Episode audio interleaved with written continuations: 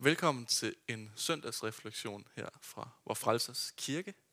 I dag der stiller vi hinanden og os selv spørgsmålet, er du din egen lykkes smed? Og vi stiller os det spørgsmål og prøver at forsøge at svare på, hvad gør det ved os, hvis det faktisk er os selv og vores egne skuldre, der skal bære den vægt, at vi er vores egen lykkes smed? Og hvad i alverden siger kristendommen om det? Så jeg håber, at uanset om du er ude at gå en tur, eller sidder hjemme i stuen bag en skærm, at du så har lyst til at følge med her de næste 10-15 minutter og stille os og dig selv spørgsmålet, er du din egen lykkes smed? For det er sådan et ordsprog, eller et udtryk, som jeg efterhånden har hørt hundredvis af gange i alle mulige forskellige udgaver, formuleringer, måder, tidspunkter i mit liv, men de lyder altid noget stil med, du er din egen lykkes smed. Og det er som om det er sådan et udtryk, der er blevet til i forsøget på at minde os selv og hinanden om, at vi bærer noget af vores liv i vores hænder. Vi bærer ansvar, vi bærer vilje, og vi bærer den opgave, det er at få et godt og succesfuldt liv. Det kræver arbejde, det kræver indsats, og i bund og grund, så er der med det udtryk kun én, du kan bebrejde, hvis ikke dit liv lykkes. Og det er dig selv.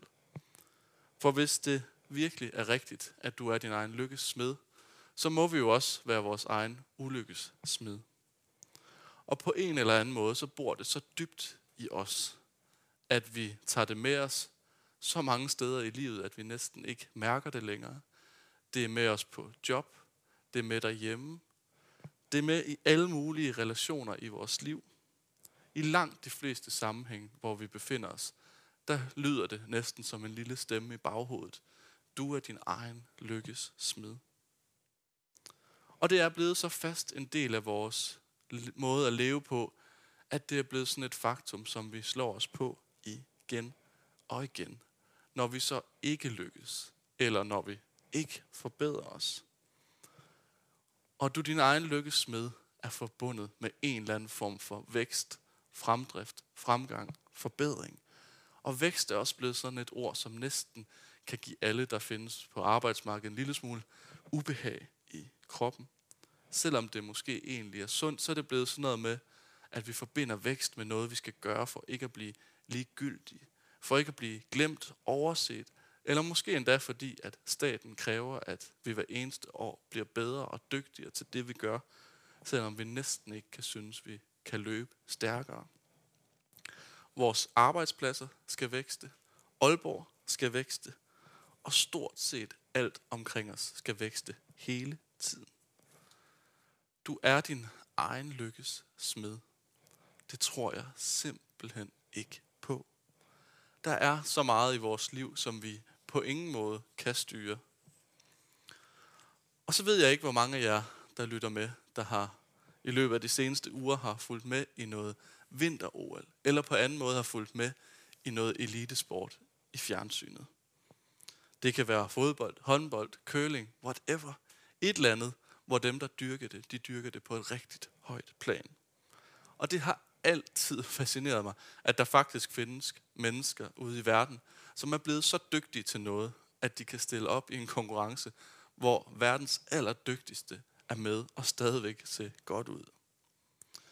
Men der er noget ved de her mennesker og de her elitesportsudøvere, som overraskede mig.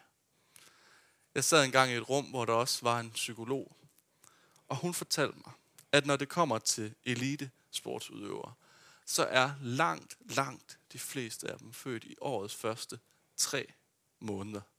Altså, de er født i enten januar, februar eller marts. Og der er ligefrem undersøgelser, der viser, at op imod 80 procent af alle elitesportsudøvere, de er født i årets første halvdel. Og jeg må indrømme, at da hun sagde det, der tænkte jeg, ah, det er vist sådan en ligegyldig fakt, som man fyrer af for lidt opmærksomheds skyld. Det kan ikke passe, at det er sådan. Så jeg gik hurtigt hjem og googlede det. Er der noget med alder og sport? Og ret hurtigt, så fandt jeg ud af, at der faktisk findes afskillige artikler, videnskabelige undersøgelser og alt muligt, der underbyggede det her faktum, at der faktisk er noget om snakken. Langt de fleste elitesportsudøvere er født i januar, februar eller marts. Og det kan være, at du lytter med nu og tænker, at ah, det kan ikke passe. Men så vil jeg invitere dig til også selv at finde Google frem. Og så håber jeg, at du finder det samme, som jeg gjorde. Men altså, på en eller anden måde, så er det noget af det mest underlige og overraskende, jeg længe har hørt. Det viser sig at være sandt, mener forskere, fordi man i mange andre lande, ligesom i Danmark, har besluttet, at man starter i skole det år, man fylder 6 år. Og det vil altså sige, at de børn, der er født i januar, de starter i skole, når de er cirka 6 år og 8 måneder, mens de børn, der er født i december, de starter i skole, når de er 5 år og 9 måneder. Og på den måde, så vil børn fra den tidlige del af året langt oftere være motorisk dygtigere, mere fremme i deres udvikling, føle sig mere trygge, have flere succesoplevelser.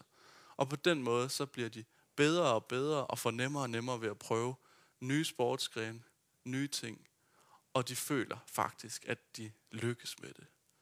Og det samme gør sig så gældende omvendt, at de børn fra december og de sene måneder i året, de føler, at de har svære ved at lære nye sportsgrene, og de gang på gang bliver rent over enden af dem, der har lidt flere måneder på banen. Og selvfølgelig så findes der også elitesportsudøvere, som ikke er født i januar, februar og marts. Men langt de fleste er født i de tre første måneder. Og det faktum, det er simpelthen så underligt. Og på en eller anden måde, så elsker jeg det skøre faktum. For det understreger fuldstændig det helt absurde ved et udtryk som, du er din egen lykkes smed. For vi har ganske enkelt ikke lige vilkår. Vi kan selvfølgelig gøre mere eller mindre ud af vores liv, og der er nogle ting, vi kan ændre på, men vi har ikke de samme muligheder. Vi har ikke det samme udgangspunkt. Over en tredjedel af den danske befolkning kæmper med en eller flere kroniske sygdomme. Andre de er født med dårlige gener, og andre igen de vokser op et sted i verden eller i Danmark, hvor det faktisk er en kamp hver eneste dag bare at få mad på bordet. Og for at være helt ærlig, så tror jeg ikke, at et eneste af de mennesker har valgt at være lige der, hvor de er med det, de skal kæmpe med. Det understreger for alvor, at vi mennesker ikke selv er skyld i vores lykke, eller for den sags skyld alt vores ulykke. Og jeg håber lidt, at den viden faktisk kan være med til at gøre os fri. Fri fra illusionen om, at vi bærer alt selv. Fri fra at føle os forkerte, når vi ikke lykkes. Og måske endda fri til at lade os elske og elske os selv. Selv de dele og de øjeblikke af vores liv, som ikke kun er en succes, vi har lyst til at dele med andre på Instagram eller Facebook eller andre sociale medier. Og at vi ikke er vores egen lykkesmed, kan måske være med til at befri os fra den bebrejdelse, der kan ramme os på vores dårlige dage. Fordi vi rammes af noget, som vi overhovedet ikke selv kan kontrollere. Og faktisk så tror jeg også på, at det er noget af det, der bliver givet os i kristendommen. At vi i livet ikke har lige vilkår. Men over for Gud, så er vi faktisk lige. I kristendommen, der får vi lov til at høre til et særligt sted. Vi får lov til at være hjemme et sted, hvor vores dårlige dage ikke bliver set på på samme måde. Et sted, hvor det ikke betyder noget, hvilken måned vi er født i, eller hvor succesfulde vi er. Men et sted, hvor vi altid bliver taget imod med åbne arme. Jesus han fortæller i Bibelen flere gange om Guds rige. Og det er som om, at de folk, der er gået omkring ham og hans disciple og alle mennesker, de har spurgt ham, hey Jesus, kan du ikke lige med en enkelt sætning fortælle os, hvad er Guds rige for noget? For vi er med på, hvad det er for en verden, vi lever i. Men hvordan adskiller Guds verden sig så fra denne her? Og jeg tror, han har tænkt, kære venner, det kan jeg ikke forklare på en enkelt sætning. Men han har prøvet og igen og igen med små fortællinger. Og en af de fortællinger, han bruger, den er med til at illustrerer, hvordan Guds rige fuldstændig vender det, vi kender på hovedet. I Guds rige, der er der en verden, hvor de rige faktisk ikke er de rige, og de fattige ikke er de fattige. Og vi er ellers vant til at leve i en verden, hvor de rige kun bliver rigere, og de fattige bliver fattigere.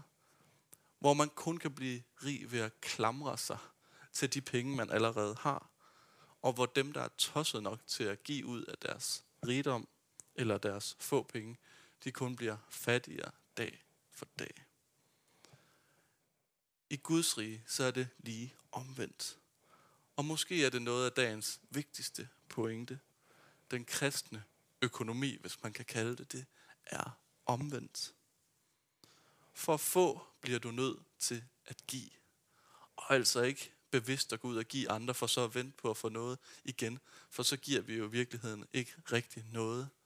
Men når vi giver frit, så får vi noget igen.